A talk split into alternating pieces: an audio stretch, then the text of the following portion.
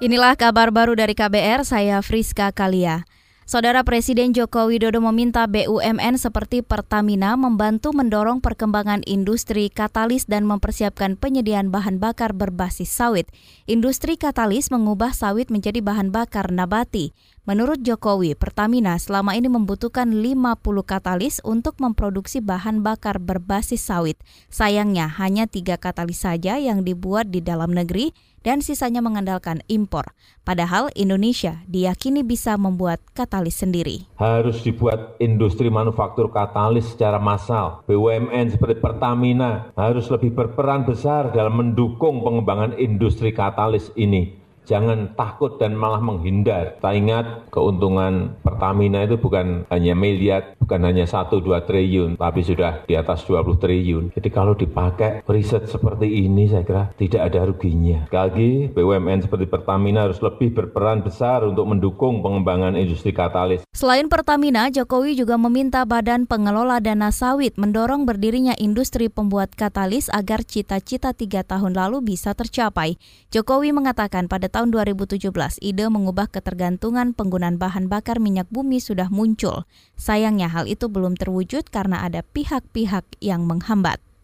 Beralih ke informasi berikutnya, Menteri Luar Negeri Retno Marsudi mengatakan dalam proses evakuasi warga negara Indonesia dari Wuhan, China, Nantinya akan ada penanganan khusus setiba mereka di tanah air. Penanganan itu misalnya menjalani karantina selama kurun waktu tertentu untuk menetralisir dugaan terinfeksi virus corona. Retno menyatakan penanganan khusus itu tentu saja dilakukan oleh Kementerian Kesehatan. Ada prosedur yang harus dipenuhi dan ini uh, menjadi ranah Pak Menteri Kesehatan. Tapi sekali lagi kan kewenangan saya untuk memberikan jawaban itu adalah kemenang, kewenangan Pak Menteri Kesehatan. Jadi begitu katakanlah evakuasi jadi dilakukan maka setiba mereka maka penanganan secara penuh akan berada di tangan Pak Menteri Kesehatan dan tentunya dibantu dibantu oleh uh, para uh, eh, KL atau menteri yang lainnya. Menlu Retno Marsudi menambahkan koordinasi bersama Kementerian Kesehatan dan lembaga terkait nantinya harus dilaksanakan secara maksimal untuk memberi layanan terbaik bagi ratusan WNI yang akan dievakuasi dari Wuhan. Sementara itu Kementerian Pertanian menyatakan menghentikan sementara impor barang pertanian dari Cina menyusul mewabahnya virus corona.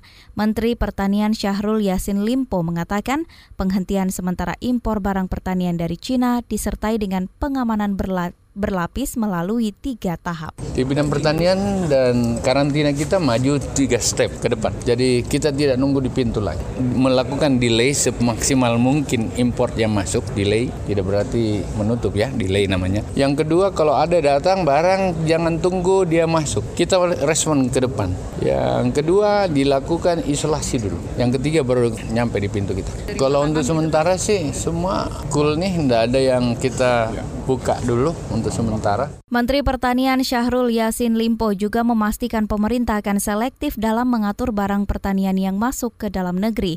Semua dilakukan sebagai langkah antisipasi pemerintah menerima impor barang pertanian dari Cina.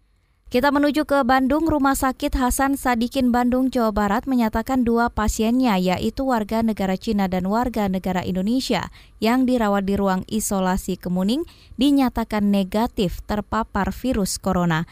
Ketua Tim Dokter Penanganan Penyakit Menular Khusus Rumah Sakit Hasan Sadikin, Yofi Tahar Tantri, menjelaskan hasil uji laboratorium Badan Litbang Kesehatan selama sepekan menegaskan kesimpulan tersebut. Untuk pasien yang pertama, Tuan HGT, sudah kami pulangkan kemarin sore uh, dengan hasil pemeriksaan terakhir kita tahu bersama tadi bahwa hasilnya negatif. Lalu untuk pasien kedua juga hasil negatif. Kondisi saat ini Tuan uh, eh, HA dalam kondisi baik, jadi uh, sudah tidak sesak walaupun memang masih menggunakan alat bantu. Nanti akan dilakukan pemantauan dengan kondisi yang terakhir. Sementara itu Direktur Utama Rumah Sakit Nina Susana Dewi mengatakan dengan adanya hasil uji laboratorium Badan Litbang Kesehatan itu masyarakat Jawa Barat diharapkan tak perlu cemas terpapar virus corona.